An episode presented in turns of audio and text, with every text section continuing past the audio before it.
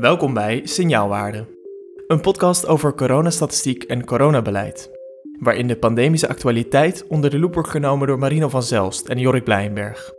Mijn naam is Maarten van Woerkom en dit is aflevering 17 van Signaalwaarde.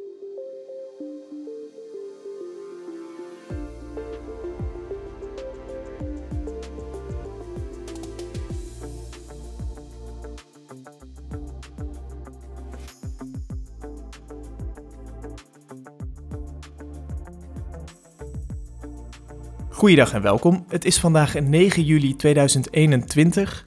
We nemen op kort na de persconferentie die uh, ingelast is door het kabinet. En het is dag 499 van de coronapandemie in Nederland. En... Hans, de besmettingen stijgen. Hans, de besmettingen stijgen. Er wordt meer getest. En er zijn ook meer besmettingen. Wat opmerkelijk. Hoe zou dat kunnen? Ja, ja, dat is best wel een goede vraag. Ja, toch? Van Jerry. Jorik, Marino, welkom. Um, ik werd even ruw onderbroken, maar wel met een uitstekende vraag. Um, het is uh, zoals, we, eh, zoals ik net in de intro al zei, dag 499 van de pandemie. Dus we zitten bijna 500 dagen in corona. Um, Vanavond hadden we een persconferentie, daar hebben we naar gekeken uiteraard. En uh, daar is de pauzeknop ingedrukt. Er is op de rem getrapt. Uh, er zijn geen nieuwe maatregelen aangekondigd, maar uh, er is gewoon even, uh, de teugels zijn aangehaald. Waren wat verscherpingen. Verscherpingen. Ik denk dat, dat we het zo moeten zien. het heel duidelijk dat er, dat er op die manier geframed werd. Maar wat nog duidelijker is, is dat um, eigenlijk deze situatie ontzettend veel vragen oproept. En niet alleen bij Thierry Baudet, maar ook onder onze luisteraars. Die zijn massaal ingestuurd via Twitter voornamelijk en ook in de mailbox. Heel veel dank daarvoor. dat stellen we altijd enorm op prijs en we doen ons best om alles te beantwoorden. We kunnen niet elke vraag letterlijk noemen, omdat we ook graag een wat korte en bondige podcast willen maken. Anders zitten we echt drie uur jullie alle feiten om de oren te slaan. Um, maar we proberen zoveel mogelijk vragen te beantwoorden. Dat doen we of in lijn in de uitzending of door letterlijk de vraag te benoemen. beginnende met een vraag van mij aan jullie adres, Marino en Jorik. Hebben jullie namelijk een numeriek kenmerk van de week? Die, die heb ik, zeven. En uh, het getal 7 is op dit moment de schatting van de R0 van de Delta-variant. Um, en dat is ongeveer twee tot drie keer zo groot als de originele R0 van het virus wat toen in Wuhan is ontstaan. Um, en ik denk dat we deze week langdurig in zullen gaan op waarom die R0 van 7, oftewel die ontzettend hoge besmettelijkheid, ons nu in deze situatie heeft gebracht. Ja, want concreet betekent dat dus dat dat betekent uh, concreet dat één persoon gedurende de besmettelijke periode uh, zeven uh, andere mensen gemiddeld gezien besmet. Um, om even in een vergelijking te vallen die Jaap van Dissel graag maakt hierover. Um, hè, mazelen is bijvoorbeeld 20. Um, ehm, dat is een van de hoogste die we kennen. En het originele virus was dus 2,5. Maar dat is dus ondertussen drie keer, bijna drie keer zoveel geworden. Um, en dat heeft serieuze impact. Uh, en dat hebben we de afgelopen week eigenlijk uh, echt gezien. Ja, en dat heeft zich nu ook vertaald in uh, nieuw kabinetsbeleid. Jorik, jij hebt ook net gekeken naar de persconferentie. Um, wat is er nu aangekondigd? Ja, dat is. Uh, ik, ben even aan het kijken, want ik kreeg net. We nemen net na de, post, of na de persconferentie op. En ik heb hem ook al in mijn mailbox gekregen. Dus dat, dat is zo'n heel mooi plaatje van, uh, van, van VWS. Waarop staat wat je, wat je wel mag en niet mag. En er staan heel veel dingen groen op. Dus we mogen heel veel dingen nog wel. Het enige waar een kruisje bij staat, een rood kruisje, is een mannetje met een, met een muzieknootje erbij. En dat, dat is de discotheek. Dus we mogen niet meer naar de discotheek.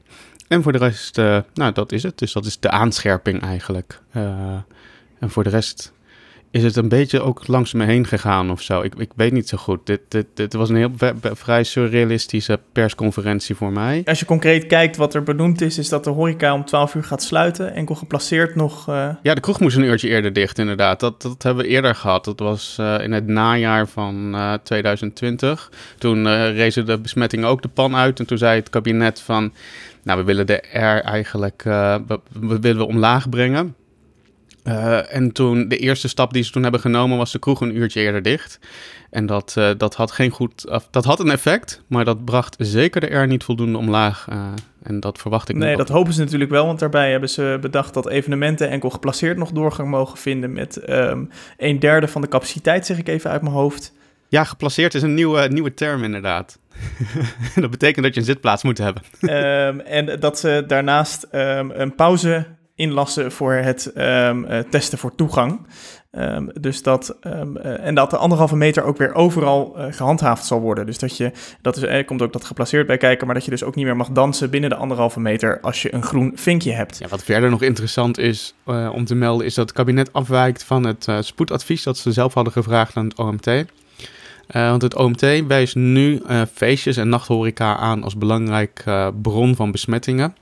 Waarbij de feestjes voor 17% verantwoordelijk zijn voor besmettingen en de horeca voor 25%. Dat betekent dat ongeveer twee derde ergens anders wordt besmet en een derde op die plek. Ja, dat is een grote groep, dus we willen eigenlijk dat het kabinet zo snel mogelijk ingrijpt als het kan voor het weekend. Nou, het kabinet heeft dat net niet kunnen doen. Vrijdagavond zijn de feestjes nog wel door kunnen gaan, eh, maar op zaterdagavond niet. Ehm, verder adviseerden ze ook om de horeca om 10 uur al te sluiten.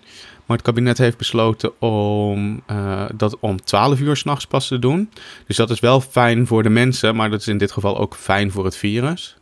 Eh, verder was het, kabinet, was het OMT best wel kritisch over dansen met Jansen. Want de regering communiceerde van je kan direct naar de kroeg. eh, of je krijgt een groen vinkje eigenlijk na die prik. En nu zegt het OMT daarover van... ja, we weten eigenlijk niet eens of de bescherming voldoende is na twee weken. Dus daar kreeg de, de regering best wel op zijn donder.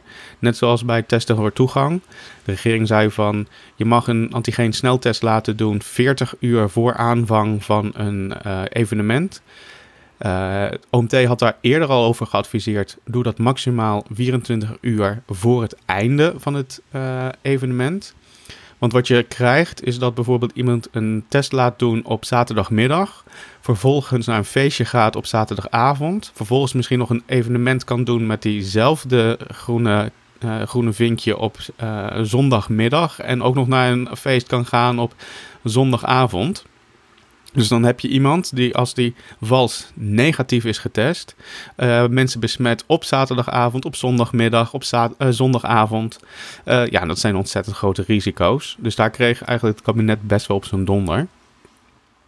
Ehm, verder, omdat er dus best wel wat maatregelen worden aangekondigd in eh, de horeca, zegt het OMT ook van, nou dan zijn we eigenlijk best wel bang dat mensen in plaats van feestjes gaan bezoeken in de horeca, dat gewoon thuis gaan doen. Dus zij zeggen van, eh, stel een, een limiet in op het bezoekers thuis, maximum 8. Of een dringend advies om geen feesten meer thuis te organiseren. Eh, het kabinet heeft er ook voor gekozen om die maatregel niet over te nemen. Eh, ze geven nu een advies dat we verantwoord moeten feesten of zo. Dus dat we een beetje moeten opletten en afstand houden. Ehm, dus ja, de- eh, het werkt best wel af wat het kabinet doet. En het kabinet is minder streng dan het OMT. En dat is wel even goed om in het achterhoofd te houden. Marino, Jorik noemde het surrealistisch. Eh, wat is jouw gevoel?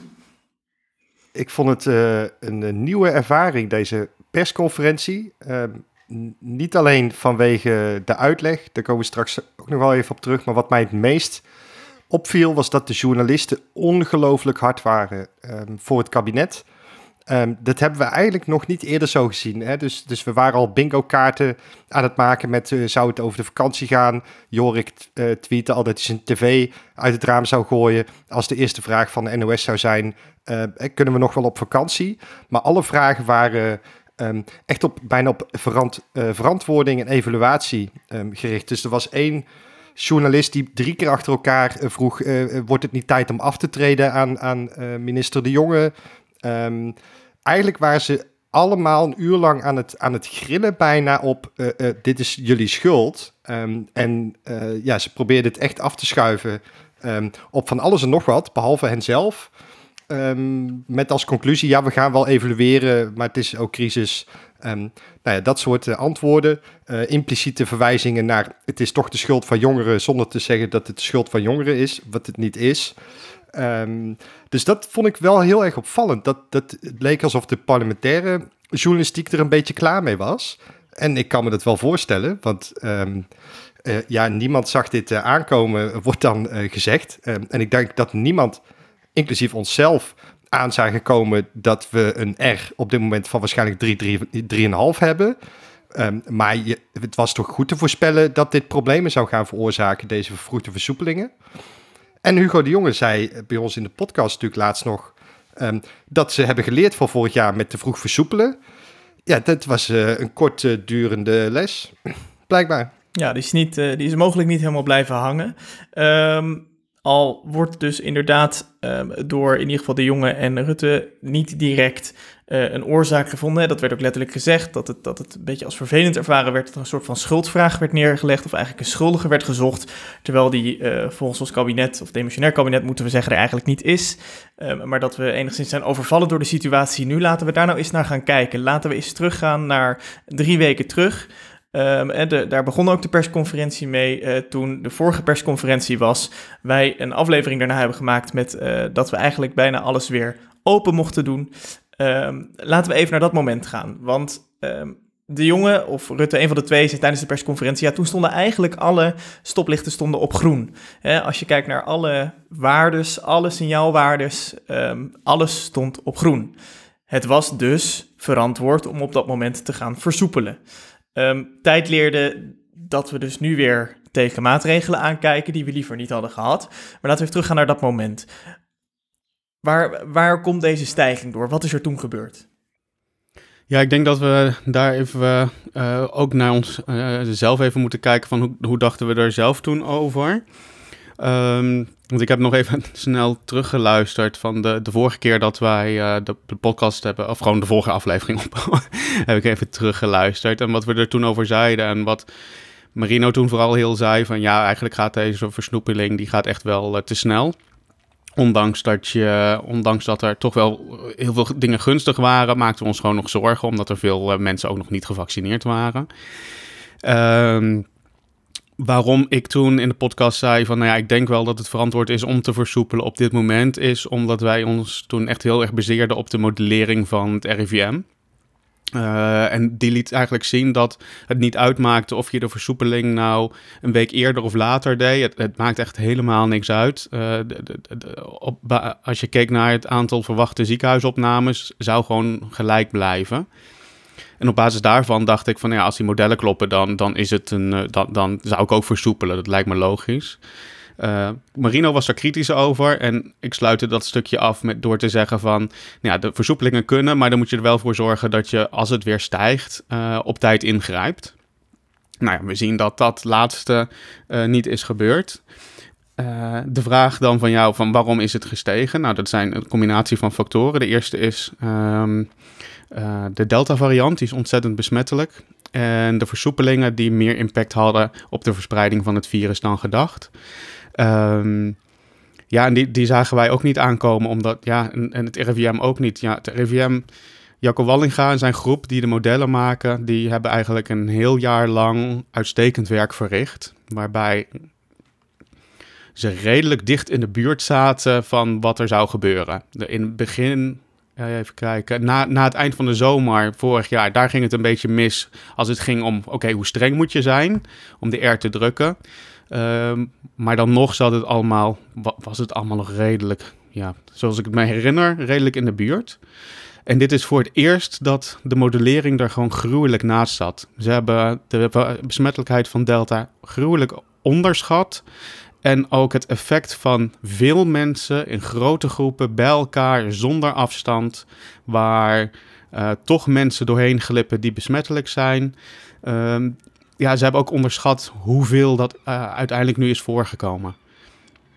Ik neem ze dat zelf ook denk ik niet kwalijk, maar het, is wel uh, op het moment dat je ziet dat het misgaat, moet je gelijk, gelijk ingrijpen en dat is nu niet gebeurd. Ik, kijk, um, wat we natuurlijk eerder hebben gehad in december, is dat het Verenigd Koninkrijk een soort uh, een levend experiment is voor, voor andere Europese landen. En dat is nu opnieuw het geval uh, geweest.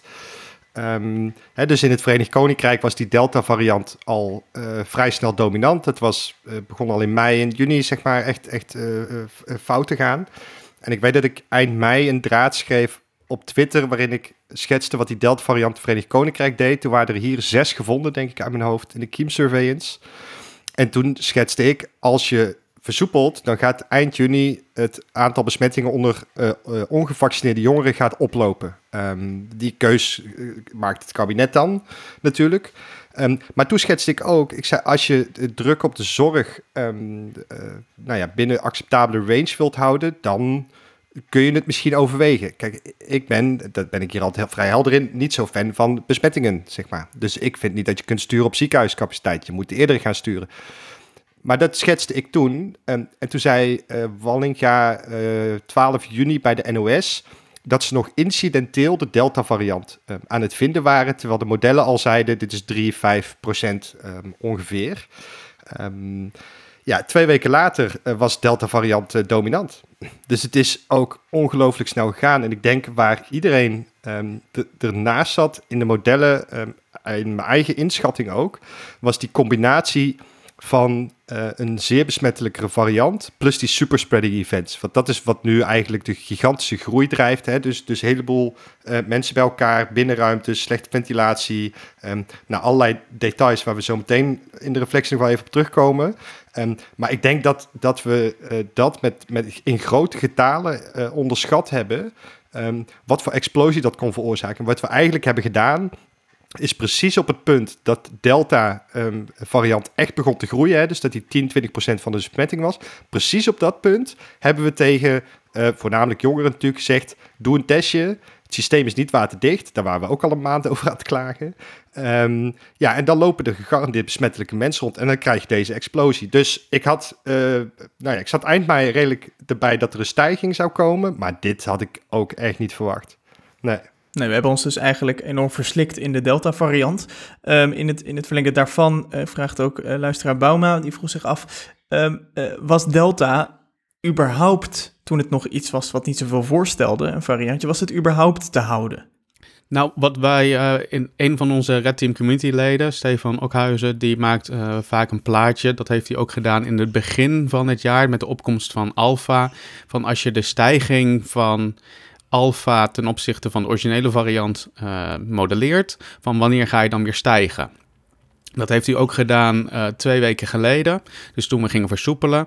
En to, toen bleek eigenlijk daar al uit uh, dat vlak voor de versoepelingen um, ook Delta zou, die zou zorgen voor en dat, dat zou de overhand nemen, dus de dominante variant worden, en zal weer zorgen voor een stijging als alles gelijk blijft. Dus de voorspellingen waren eigenlijk al, Delta komt eraan en dan heb je wat meer nodig en je moet meer drukken dan dat we nu doen. Dus dan heb je net iets meer maatregelen nodig dan de stap 4 en 5 maatregelen die, uh, die we hebben losgelaten. Ja, dus eigenlijk van begin af aan hadden we het al niet kunnen voorkomen. Maar we gingen door met uh, testen voor toegang. Uh, we gingen door met versoepelen. En uh, laten we eens even uh, teruggrijpen naar de op zich uitstekende vraag van Thierry Baudet, die in het begin van deze podcast erin knalde. Um, er is een veel gehoorde vraag of een, een correlatie die gesteld wordt tussen het testen voor toegang en het oplopende aantal positieve testen. vanuit de denkwijze, je test meer, dus je vindt meer. is dat een redenatie klopt of is dat een drogreden? Nee, kijk, het is geen drogreden als je meer test en er zijn meer besmettingen, dan vind je ook meer besmettingen. Als je stopt met testen, dan vind je ook geen besmettingen. Dat, zo simpel is het natuurlijk ook. Waar hij de fout in gaat, en velen daarmee, is dat ze compleet de stijging van het aantal positieve testen toewijzen aan het meer testen. En dat is niet juist. Um, nou, waar kunnen we dat uit zien? In de GGD-teststraten, uh, dus de straten waar je eigenlijk heen gaat voor uh, mensen die klachten hebben en de reizigers zien we het percentage positief ook als een, voor de eerste keer in 16 maanden exponentieel stijgen. Want het was um, vorige week woensdag nog 3%, uh, dinsdag. En uh, afgelopen woensdag was het al 14% op nationaal niveau. En dat betekent dat je eigenlijk nog veel te weinig test. Je moet nog meer testen. Dus als het percentage positief omhoog gaat en het aantal testen gaat omhoog, en het aantal positieve testen gaan allemaal tegelijk omhoog, dan is er 100% gegarandeerd een reële stijging um, aan de gang. Um, ja, dat um, is het hele korte antwoord. We, zien nu dus een uh, enorme stijging van de besmettingen onder een jonge groep mensen. Ehm, wat mij opviel tijdens uh, de persconferentie, waar ook naar de data van de afgelopen weken uh, werd gekeken, omdat dat is uh, waarop deze nieuwe pauzeknop is gebaseerd, zeg maar, um, dat eruit kwam um, dat dit niet direct voor ziekenhuisopnames geldt, maar dat dat wel zou kunnen. en dat er naar 13 augustus wordt gekeken Um, omdat dan iedereen in Nederland, elke volwassene in Nederland, zijn eerste prik uh, gehad kan hebben die dat wil. En de tweede prik uh, snel volgt. Um, als je nou naar die. Uh, naar, ik, ik, kon dat, ik kon dat gewoon niet helemaal rijmen. Vanaf begin af aan is er gestuurd op die IC-capaciteit, is gestuurd op ziekenhuisopnames. En nu wordt er op de pauzeknop um, gedrukt. Om maar even in die termen te blijven. Terwijl we eigenlijk geen risico zien in de gezondheidszorg. Nou, dat moeten we denk ik wel even nuanceren, want hij zag dat uh, duidelijk wel. Uh, dat was denk ik, het, het, dat was een van de vreemde aspecten van de persconferentie, vond ik. Ik vond de analyse van waarom we nu maatregelen of verscherpen, um, de reden daarachter uh, die Hugo de Jonge gaf, vond ik echt heel goed. Ik vond de analyse heel scherp. Want um, je ziet het aantal besmettingen onder de jongeren gigantisch stijgen. En je hoort heel veel mensen hoor je dan zeggen van dat is niet zo erg, want die komen toch niet in het ziekenhuis. En hij zei daarvan um, dat dat op zich natuurlijk waar is, maar dat bij jongeren besmetting ook vaak uh, leidt. Dus dat is zo'n 25% van de gevallen op long covid. En dat je spillover krijgt naar andere leeftijdsgroepen, uh, waarvan je verwacht dat die zeker in het uh, ziekenhuis terecht gaan komen. Um, en uh, dat het, hij noemde dat, uh, dat het virus door de leeftijden ging en de, en de wijken of zo. Omdat je dus ook wijken hebt waar de vaccinatiegraad relatief laag is. Waardoor het makkelijk is als één jongere uh, makkelijk heel veel ouderen kan besmetten. En daardoor best wel veel, toch veel ja, druk op de zorg kan genereren. En dat is iets wat ik eigenlijk nog niet eerder heb gehoord. Omdat je vorig jaar zomer, toen zagen we het ook oplopen. En dat waren toen ook de jongeren, die kwamen toen terug van vakantie. En toen werd er gewoon ook door OMT-leden gezegd van... ja, het zijn besmettingen bij jongeren, dat is niet zo erg. Da daar is Marino daarna nog heel boos over geworden. uh, terecht. En dit is eigenlijk voor het eerst dat ik hoor dat, dat ze zeggen van... we zien die overs... Heet het, nou, we zien nog niet dat die ouderen zijn uh, besmet... Maar we verwachten het wel, dus gaan we nu al ingrijpen. En dat vond ik echt, ja, dat, dat heb ik gewoon nog niet eerder gehoord. En dat vond ik echt heel erg prijzigwaar, prijzenswaardig. Uh, lastig woord vandaag. Um, eh, maar, dan, dat, dat, was dus het rare dan van de, de rest van het verhaal. Dat ze dan maatregelen nemen die waarschijnlijk veel, veel te licht zijn en dit virus niet gaan afremmen. Dus dan, dan, dan heb je de R die boven de 1 blijft. En dan groeit de uitbraak nog steeds. En dan worden ook nog steeds die ouderen besmet. Dus dan, dan, dan haal je dat doel ook niet. Dus dat, dat was zo vreemd. Want de analyse was echt heel erg goed.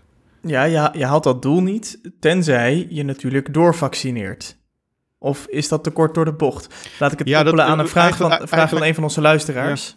Ja. Um, uh, die, die zich eigenlijk uh, afvroeg van als je nou doorvaccineert, wat gebeurt dat dan uh, met, met de cijfers nu? Hè? Dus um, dat is ook een van de argumenten die ik de jongen tijdens de persconferentie hoorde roepen, is dat je dus op de 13e van augustus een hele hoge vaccinatiegraad hebt en dan mogelijk dus bijna groepsimmuniteit kan opbouwen. Eh, maar kunnen we, kunnen we even, even die vraag parkeren? Want ik wilde nog even op Jorik iets aanvullen. Uh, want ik wil dit platform even gebruiken om mijn tirade van deze week door te zetten. Als ja, lekker. Als het mag, Maarten, van jou. Ga, ga je gang, ga je gang. Kijk, wat Jorik eigenlijk aansnijdt nu, is dat het beleid inconsistent blijkt te zijn. Um, daar uh, zijn ze voor gewaarschuwd, hè, want het, wat de analyse is goed. Namelijk, Um, dat je in bepaalde wijken, bijvoorbeeld in Rotterdam, zie je in, in bepaalde uh, wijken zoals Delfshaven, Feyenoord, 60% van de 65-plussers is gevaccineerd. Dat is niet hoog. Um, en in bepaalde wijken is dat 90%. Dat is wel hoog.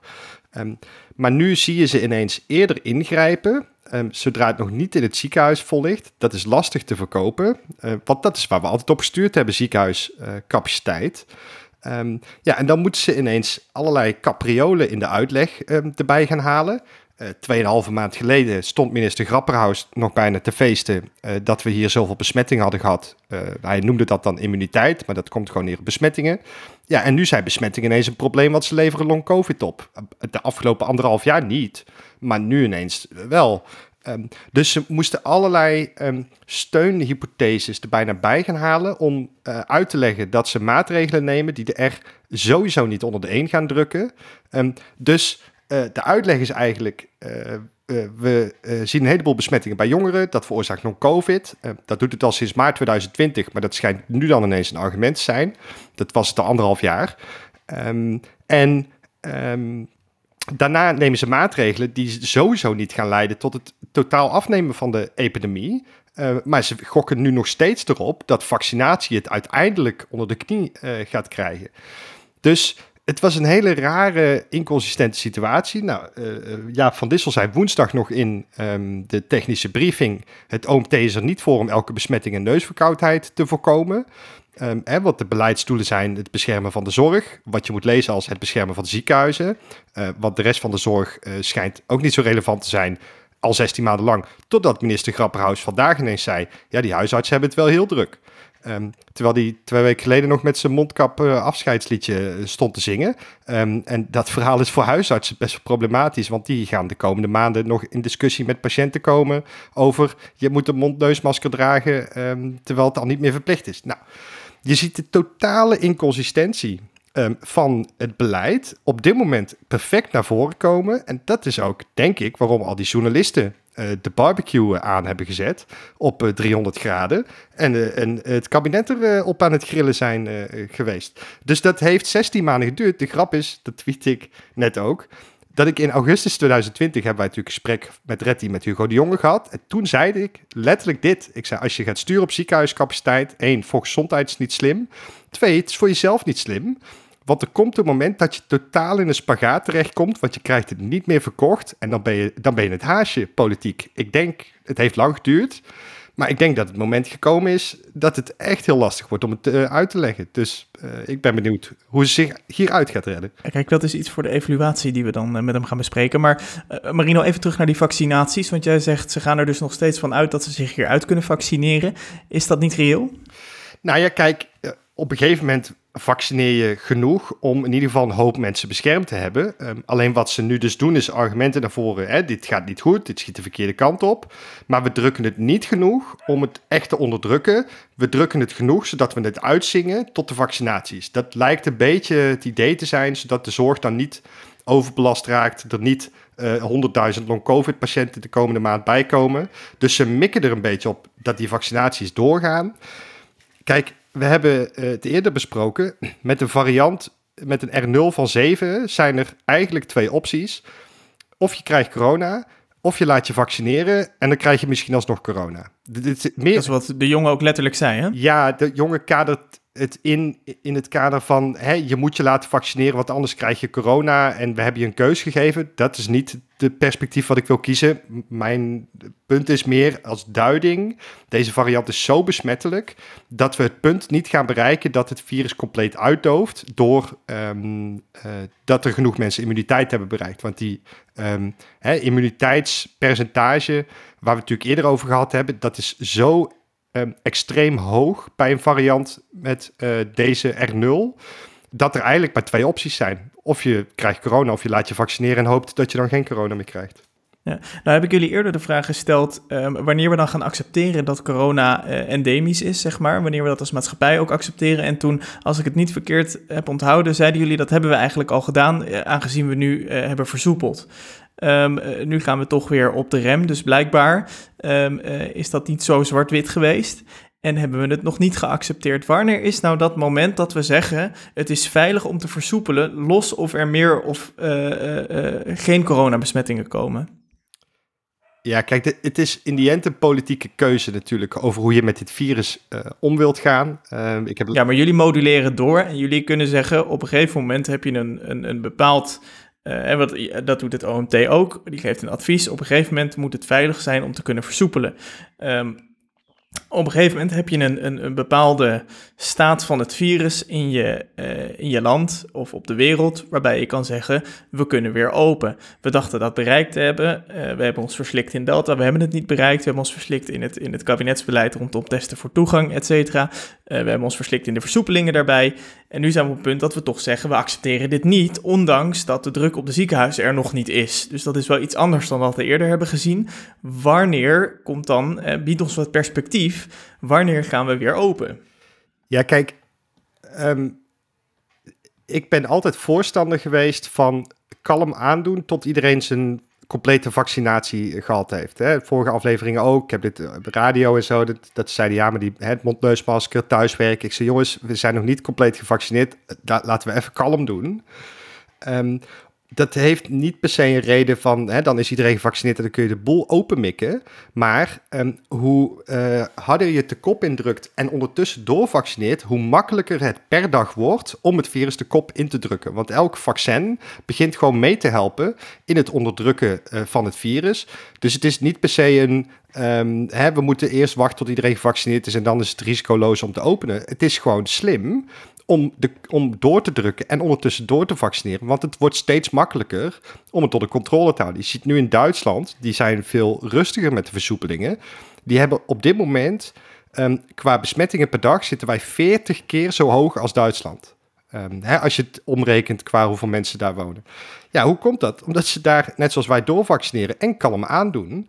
Um, dus voordat Delta daar om zich heen begint te slaan, want die wordt daar ook steeds dominanter. Dat blijkt wel uit de um, Kim Surveillance daar. Um, maar ze hebben nog steeds uh, 600 positieve tests per dag. Dus omgerekend 150 bij ons. Dus dat is altijd mijn punt geweest. Je wilt pas echt um, iets gaan doen als je compleet gevaccineerd bent, omdat het dan waarschijnlijk ook al heel laag is. Ja, en dan wordt het steeds makkelijker om, uh, om het de kop in uh, te blijven drukken.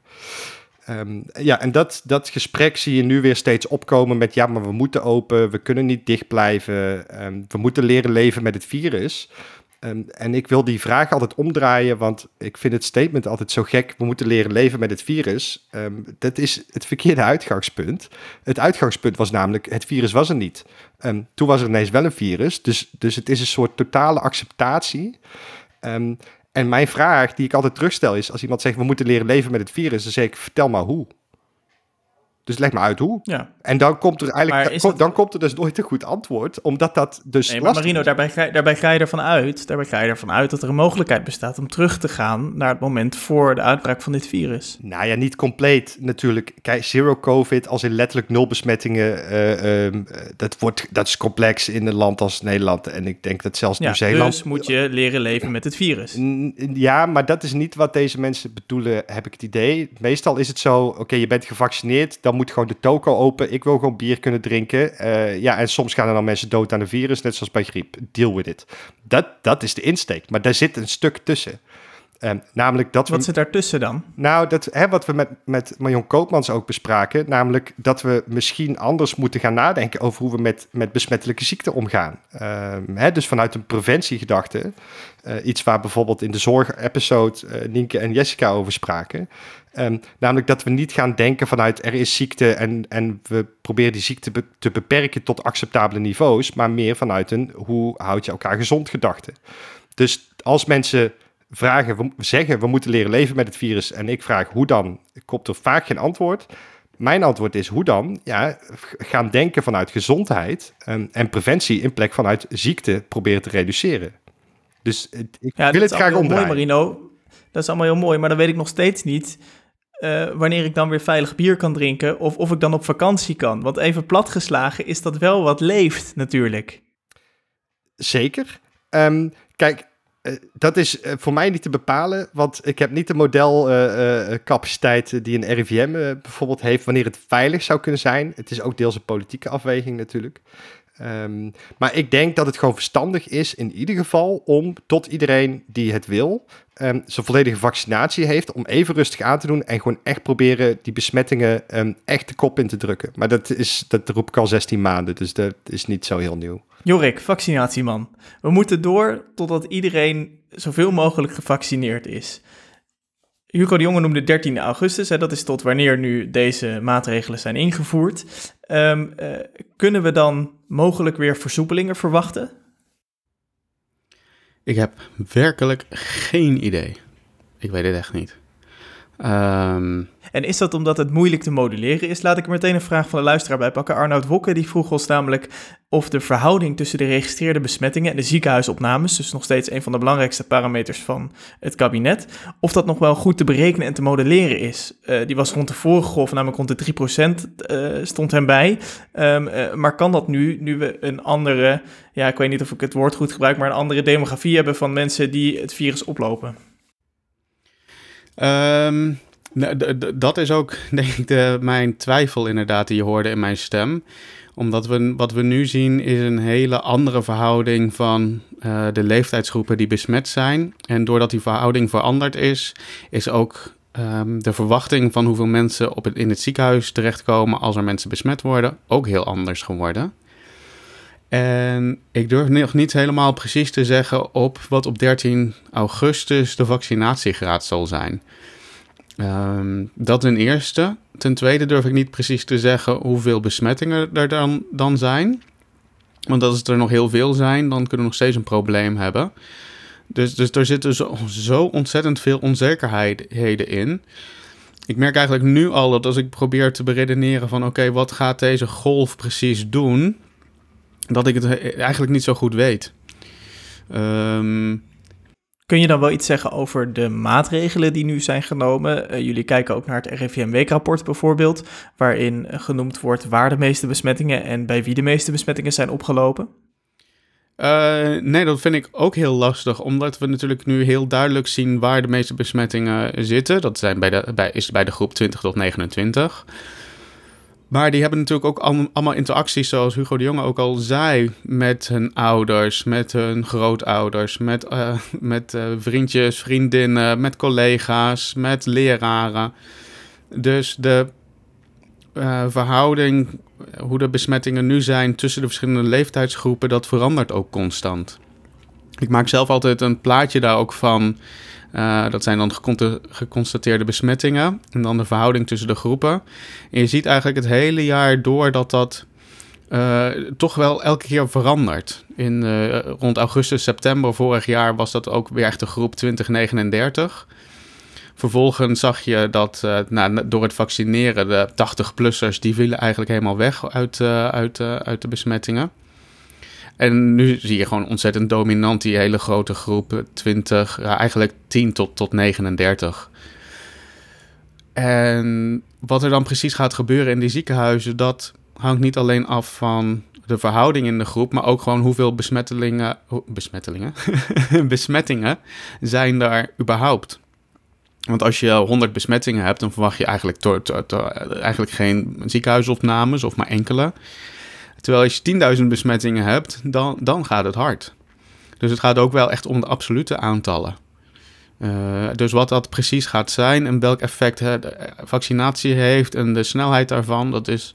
Ja, alles gaat is ontzettend veranderd de afgelopen tijd. Dat komt door Delta, want die is super besmettelijk. Maar komt ook omdat we ontzettend snel aan het vaccineren zijn. En wat weten we nu precies over de effectiviteit van die vaccinaties bij Delta? Je hoort veel over dat de tweede prik noodzakelijk is.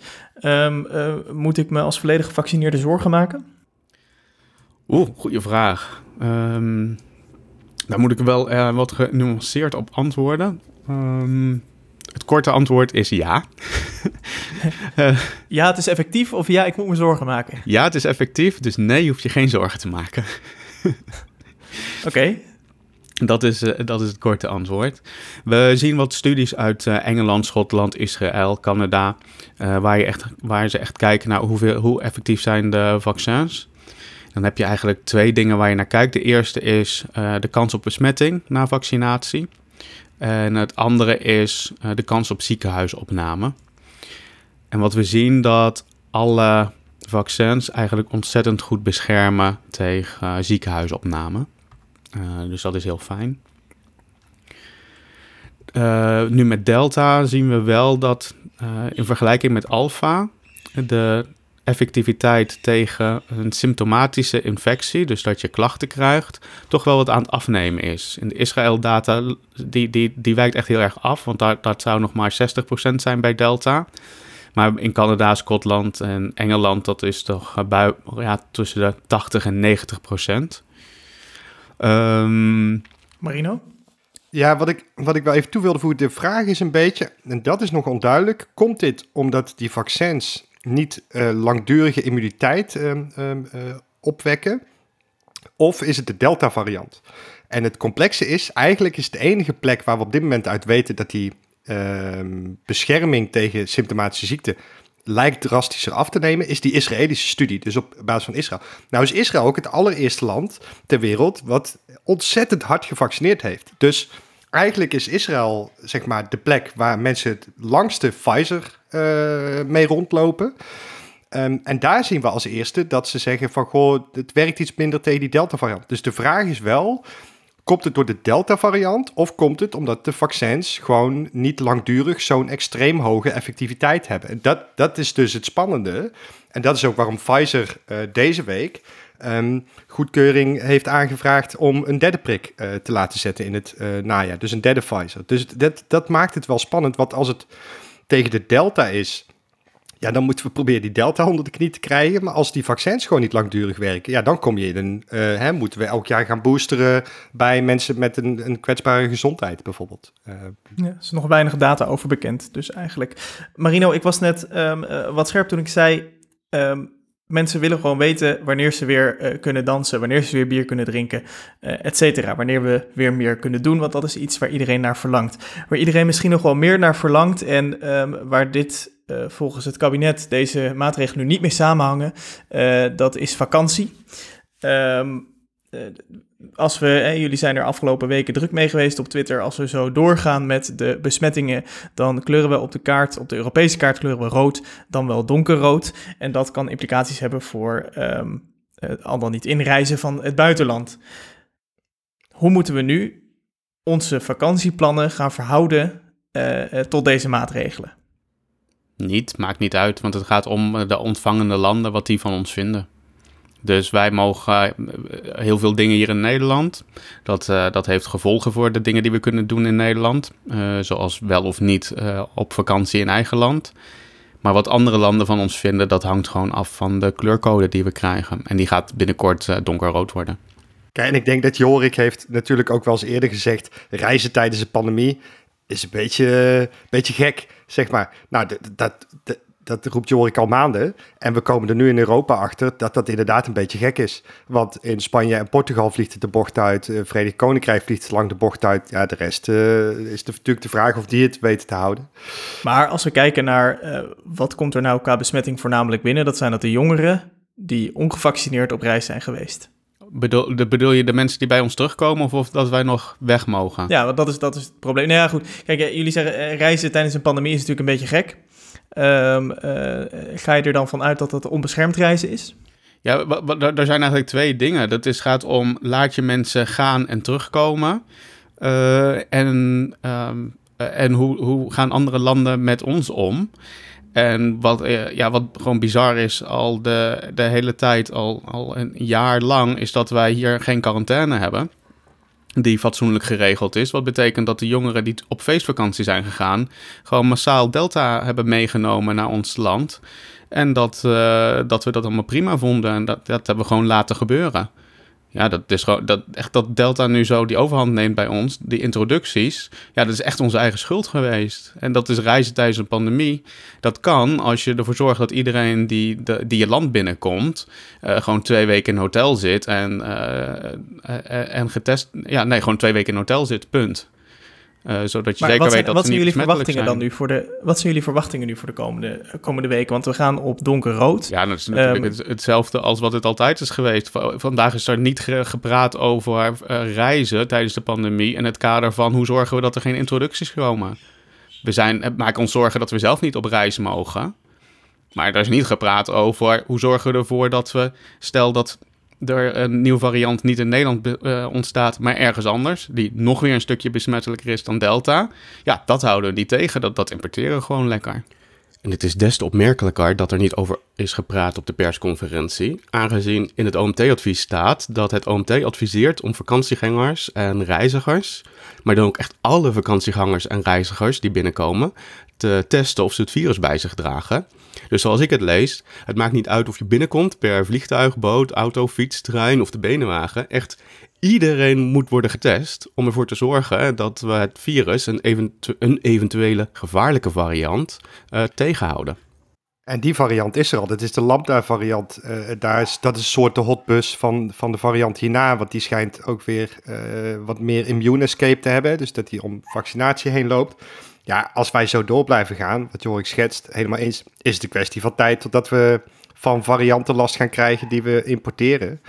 Um, kijk, wat een van, nou, hè, dat is importeren waar Jorik het over heeft. Um, de andere vraag die veel mensen hebben is, kan ik straks op vakantie? Uh, zit ik in code rood? Um, ja, uh, kijk, wat een absolute garantie is, is dat er volgende week donderdag een heleboel provincies op rood gaan springen. Dat betekent niet per se van alles. Als je nog in een groene provincie wil zitten, dan moet je je binnen nu en donderdag laten registreren in de provincie Zeeland. Zeeland. dan bestaat er een kans dat je nog in een niet-rode provincie zit. Want Zeeland zou het misschien net kunnen redden. Voor volgende week donderdag dan in ieder geval. Als we vandaag kijken naar de groeicijfers. Ja, vandaag die zit, die zit al in de lift. Maar ik, ja. ik denk dat Zeeland het net gaat halen. En kijk, wat, wat zo is, is uh, wat dat voor problemen oplevert, is afhankelijk van het land waar je naartoe gaat. En hoe het daar gaat. Hè? Dus als het in een land uh, erg goed gaat, um, dan zijn ze misschien wat makkelijker. Dan zeggen ze van, nou, je moet nog even een verplichte negatieve PCR-test uh, doen. Niet leuk, maar het is allemaal wel te overkomen. Ja, het zou ook kunnen dat er uh, quarantaine opgelegd wordt. Ja, ga je op vakantie om dan in quarantaine te gaan zitten? Dat is natuurlijk ook een beetje het vervelende van, van zo'n vakantie. Dus, um, het... Maar welke maatregelen verwacht je voor gevaccineerde mensen? Diezelfde? Ja, ik verwacht voor volledig gevaccineerde mensen plus twee weken. Hè, dus 2 plus 2, twee prikken plus twee weken wachten. Um, verwacht ik misschien een negatieve PCR-test nog ter zekerheid. Ik verwacht niet dat je tien dagen in quarantaine moet als je al volledig gevaccineerd bent. Behalve als we hier gewoon een maand lang aanhouden 10.000 infecties per dag hebben. Dan, dan is op een gegeven moment ook Duitsland klaar met ons, bijvoorbeeld. Um, maar uh, het is een beetje spannend en het is heel erg afhankelijk van het land. Uh, het is natuurlijk ook zo dat een aantal landen heel erg afhankelijk zijn van toerisme. Um, en die zouden kunnen zeggen van ja, het gaat ons zoveel kosten uh, dat mensen wegblijven. Dan doen we alleen een negatieve PCR-test en geen quarantaine, ongeacht de situatie in het land van herkomst. Want anders lopen we zoveel inkomsten mis met die Nederlanders die de boel laten exploderen met exponentiële groei. Ja, dat, weet je, maar dat is gewoon wachten. Dat, dat is, ja, Wat ik een rare redenatie zou vinden hoor. Want het tegenargument zou zijn: als je die paar Nederlanders die komen uh, binnenlaat, die zorgen voor een uh, explosie in je eigen land, waardoor je eigen land op rood gaat komen, dan, dan, mis je alle, dan mis je de rest van Europa als reizigers. Dus ook als ik een vakantieland was, ja, tenzij je 100% Nederlanders uh, op bezoek krijgt. Uh, zou ik er waarschijnlijk heel erg hard over nadenken om... Uh, nee, dan, dan zou ik uh, die Nederlanders liever niet willen hebben. Want dan heb ik liever de Duitsers die gewoon uit groen komen. Dus als ze komen, dan zijn ze... Nou, de kans dat ze besmet zijn, die, die zijn... nou, waarschijnlijk niet. Ik wil een klein kanttekeningetje maken. Wat we de afgelopen week ook weer hebben gezien... is dat ze binnen Europa afgesproken hebben... hoe we zo'n dat kleurencodesysteem hebben. Dat is op basis van een aantal positieve testen... En als je percentage positief te hoog wordt, dan uh, ga je nog sneller op rood. Want dan zeggen ze, ja, dan heb je zo slecht zicht, uh, dan vertrouwen we je nog minder. Nou, dat was vrij strak afgesteld. Vond het verstandig. Totdat Nederland in Europa begon te zwengelen en zei: Dit is allemaal veel te streng. Dit kan wel wat losser, want we hebben zoveel gevaccineerd. Nou, daar is de rest van de EU in meegegaan tot op zekere hoogte. Het hebben een nieuwe kleurenkaart gekregen. Um, en zelfs die kleurenkaart gaan we, kleurencodekaart gaan we nu nog rood kleuren. En toen is afgelopen week um, het idee ontstaan bij het kabinet en bij sommige partijen in het parlement. Ja, maar nu gaan we op rood en besmettingen, hè, wat betekenen die nog als we zoveel vaccineren? We gaan het op basis van ziekenhuisopnames doen. Dus als de ziekenhuisopnames omhoog gaan, dan gaan we je rood kleuren. En daar heb ik een tweetje over gepost. Dat vind ik een heel gek idee. Want het type mensen wat niet andere mensen gaat besmetten in een ander land, zijn mensen die in het ziekenhuis liggen. Het gaat gewoon niet. Um, dus het hele intuïtief is het idee van uh, je mag een land wel of niet inreizen op basis van het aantal ziekenhuisopnames raar. Want mensen in het ziekenhuis kunnen anderen helemaal niet besmetten. wie kan dat wel? Mensen die gewoon besmet worden en niet in het ziekenhuis terechtkomen. Dus Ehm, nu is er een motie aangenomen door de Kamer uh, met een krappe meerderheid. En nu moet Hugo de Jonge dus terug naar de EU om weer te gaan onderhandelen. En zegt, ja, het gaat zo slecht hier in Nederland. En dan kunnen mijn mensen die maar op vakantie... Dit is even mijn inschatting, hè.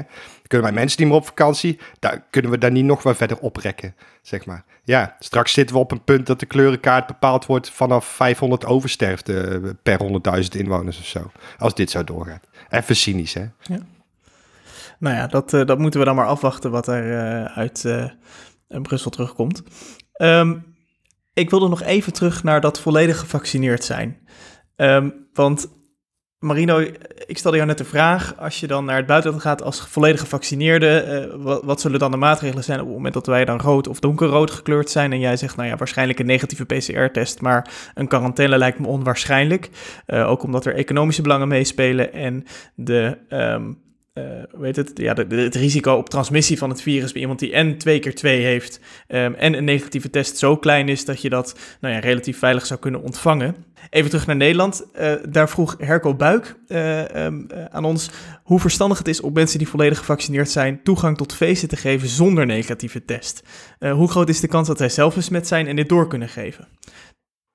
Ja, ik vind het op dit moment nog niet zo handig, um, omdat we weten dat vaccinatie transmissie wel remt, um, maar de schattingen lopen heel erg uiteen. Dat is het probleem. Um, dus we hebben schattingen die tussen de 40 en de 90 procent ongeveer liggen.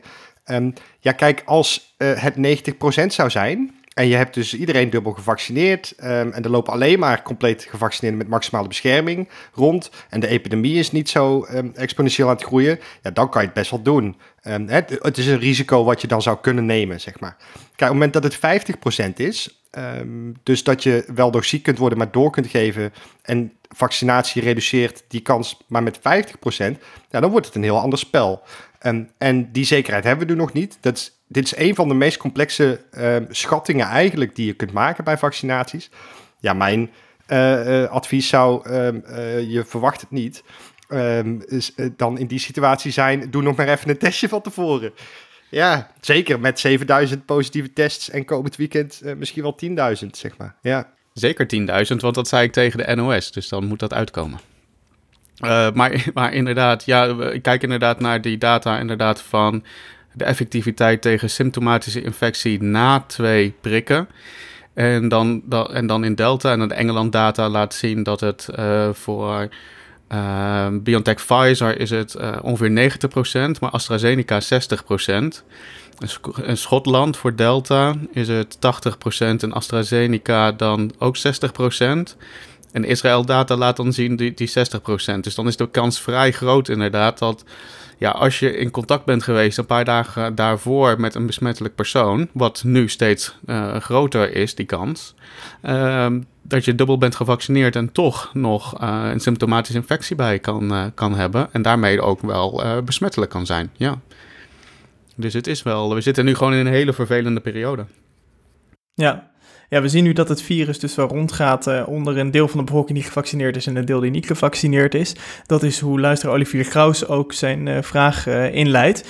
die vroeg zich namelijk af dat als je dat virus flink laat rondgaan bij een bevolking die deels beschermd is, um, of dat virus dan op de duur gaat leren om de bescherming van die vaccins te ontwijken. Marino, jij noemde net al een nieuwe variant die mogelijk de immuniteit wat kan ontwijken. komt dat door dit? Ja, dat kan. Ehm, we hebben hier zelfs een woord voor, dat heet uh, vaccine escape mutanten. Um, en het idee daarvan is, is dat het uh, virus evolueert natuurlijk. Hè? Dus, dus bij elke persoon uh, bij wie het binnentreedt ehm, ontstaan er kopieerfoutjes. het virus kopieert zichzelf heel veel tot miljarden deeltjes en dan gaan er gewoon vanzelf foutjes ontstaan. En op het moment dat je vaccineert, dan gaan de kopieerfouten die beter zijn, die overleven het natuurlijk. Dat is het idee van evolutie. Um, nou, en dat werkt ook bij vaccinatie en virussen um, waarschijnlijk zo. Um, namelijk dat dan op een gegeven moment de kopieerfout gaat overleven, die beter is in het omzeilen van het vaccin. die theorie is er ook voor uh, dat een virus besmettelijker wordt en minder dodelijk tegelijkertijd. Want dan heeft hij meer kans om te overleven. Hè? Want als iedereen doodgaat aan een virus, uh, dan overleeft het virus ook niet. Nou, die theorie houdt al 16 maanden niet stand, um, lijkt het geval. Dus bij al die nieuwe varianten lijkt ze wel besmettelijker te worden. Uh, maar we hebben nog geen um, goed uh, bewijs dat ze ook minder virulent worden. Sterker, um, alpha was virulenter dan het originele virus. en bij delta heeft het in ieder geval alle schijn van dat het gewoon nog dezelfde mate van virulentie heeft. en misschien zelfs nog iets erger. Dus we zitten ook wel uh, en dit zeg ik even als niet-viroloog, uh, op nieuw terrein. Um, dus ja, het is ook gewoon wel afwachten. Het enige wat je zeker weet, dat is een 100% garantie. Als je het virus laat gaan en je meer besmettingen toestaat, gaat de kans omhoog dat je lijpen, uh, wat ik tegen Marion Koopman zei, variants of panic gaat krijgen. Um, als je de transmissie compleet stopt. Um, ja, dan stopt dat ook. Uh, oftewel, uh, wat ik wel eens eerder heb gezegd, uh, in Nieuw-Zeeland zullen er niet nieuwe varianten ontstaan. Want daar zijn gewoon bijna geen besmettingen. Dus daar ontstaan ook geen nieuwe varianten. Dus dat is wel de truc. Geen besmettingen is geen nieuwe varianten. Maar wat nieuwe varianten gaan doen, dat is ja, lastig te voorspellen. Ik uh, sla opeens aan op wat je zei van dat we op onbekend terrein waren. Want dat is ook iets wat in de persconferentie terugkwam. Um, een van de, ding, een van de vragen van de journalisten was uh, of de maatregelen of die voldoende waren. Volgens mij was dat het ANP. Om, um, uh, om, om ervoor te zorgen dat we ook daadwerkelijk de doelen haalden om zeg maar, het virus eronder te krijgen. Uh, en, en toen was de, de reactie volgens mij van de jongen dat, dat we, nou ja, ze wilden sowieso dingen gaan doen op de, of bekijken hoe het ervoor stond op de 13e, 13 augustus. En ze nemen nu maatregelen en dat deden ze op basis van de informatie die ze nu hebben. En mocht de situatie veranderen, uh, lees verslechteren, dan gaan ze weer opnieuw kijken of er maatregelen komen. Uh, en dat vond ik zo raar. En dat was dus een van de dingen die dus zo raar was aan deze persconferentie. Van, je weet dus dat het slechter gaat. Je ziet de cijfers het is ongelooflijk slecht gaan. En dan neem je maatregelen waarvan in ieder geval ik en Marino ook denken, die zijn niet, niet zwaar genoeg om iets te doen om deze variant tegen te houden. En dan zeg je van, nou, als we dat dan over twee weken constateren, dan gaan we weer een keer iets op, opnieuw doen. Dat was, dat, was gewoon echt zo bizar weer. Ik, ik kan er gewoon echt niet bij. Maar misschien wil Marino er nog uh, een duiding aan geven. Maar toen moet even knippen, want Marino had een frietje. Ik dacht, Jorik, ik dacht dat Jorik Marino was, natuur, was natuurlijk aan het eten. Tijdens de opname. Je begrijpt dat ik dit er uiteraard dit, inlaat, hè? Eh, ja, dat, maar... Um, ja, weet je... Um, we hebben natuurlijk van tevoren... hebben we het altijd even over de titel... En dan meestal laten we de titel een of andere quote in de uitzending. Um, we hebben natuurlijk uh, Lessons Learned met um, coronaminister Hugo de Jonge gedaan. Ze hebben niets geleerd. Zeg ik even als hele botte uitspraak. Want dit is gewoon het, hetzelfde probleem wat we sinds uh, september 2020 hebben. Misschien al eerder.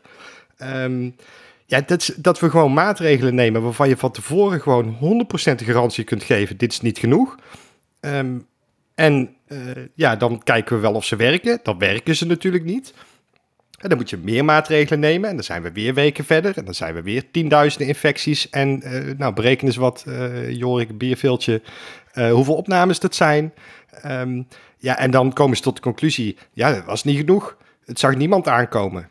Um, behalve de mensen die roepen, als je niet krachtig genoeg ingrijpt.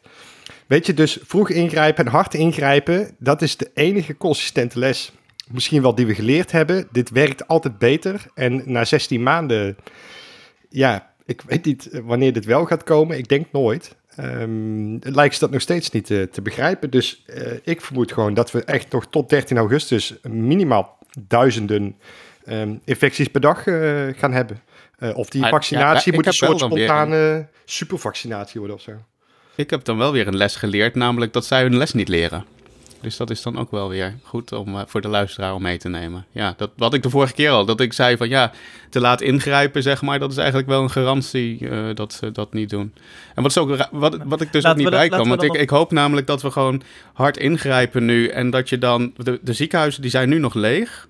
Wat ik dan hoop is dat je nu ingrijpt en dat we dan nou, over drie weken zeggen van... Één, één kleine kanttekening bij maken, De ziekenhuizen zijn niet leeg.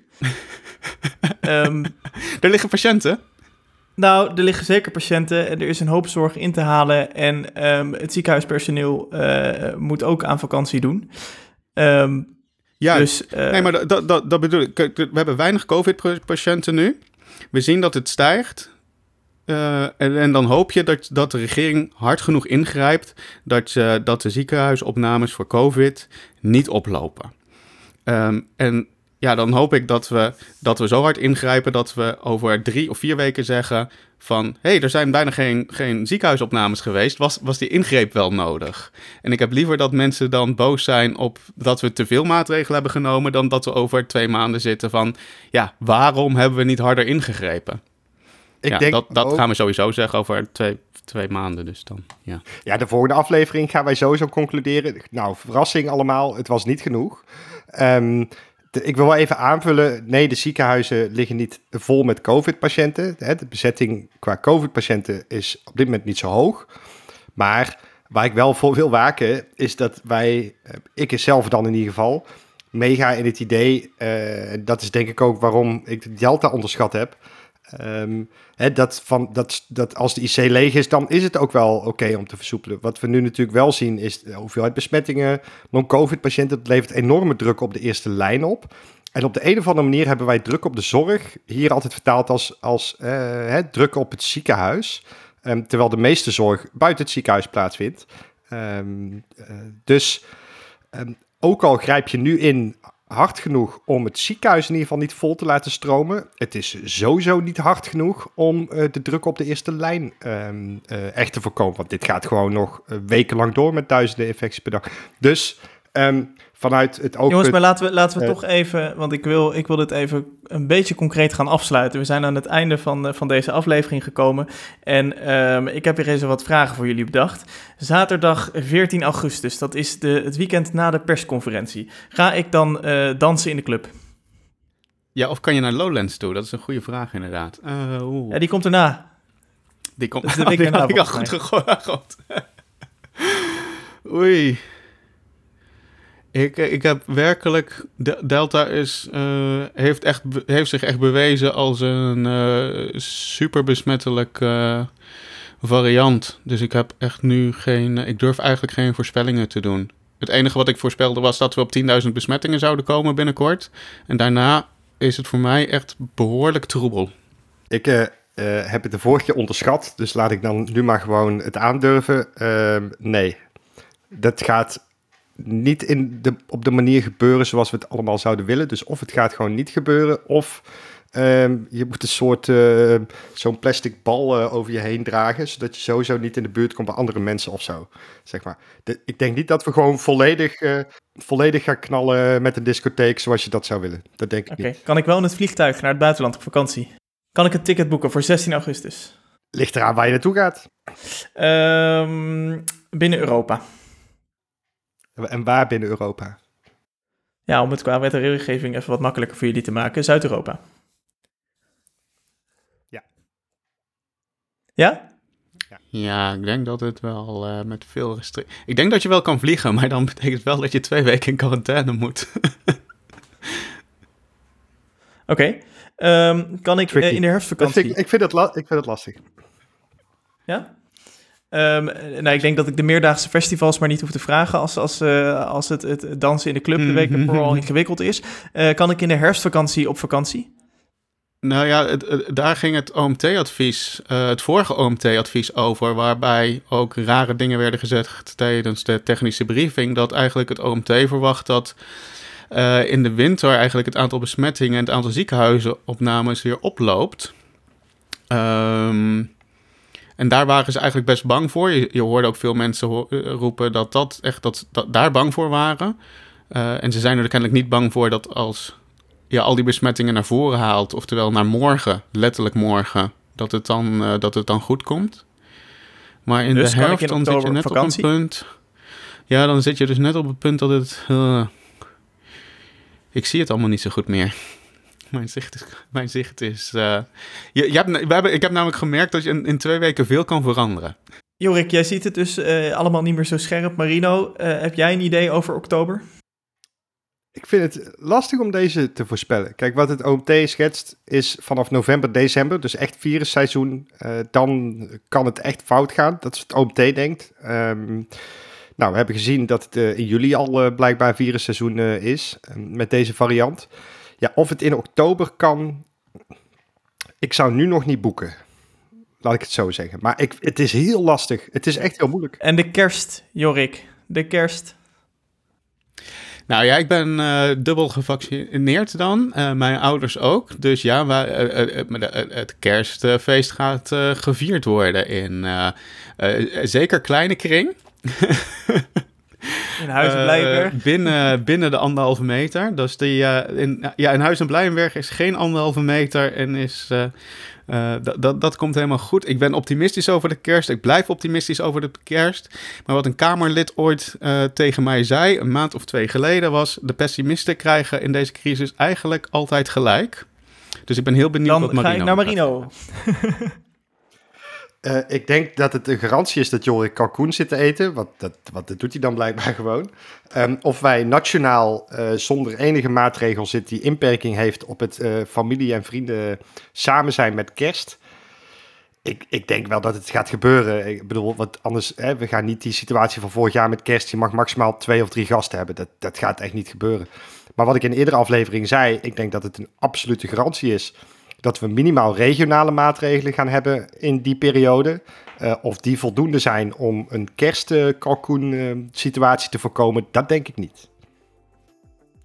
We gaan het allemaal meemaken. Dank voor jullie duiding en voorspellingen um, nu. We gaan zien of ze uit gaan komen. En um, we gaan allemaal weer uh, braaf om 12 uur uh, vannacht naar bed. Of eigenlijk vanaf morgen.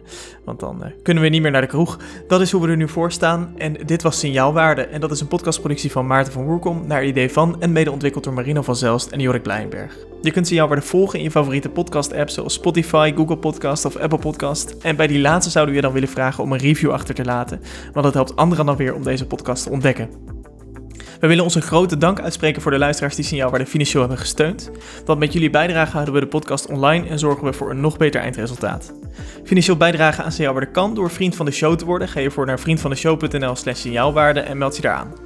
Daarnaast kun je bijdragen via een tikkie. Ga je voor naar onze eigen website signaalwaarde.nl en klik op de button bijdragen. Op deze website kun je ook je vragen kwijt voor de uitzending of je feedback insturen, want daar zijn we altijd benieuwd naar. Dit was het voor deze keer. Bedankt voor het luisteren en tot de volgende aflevering.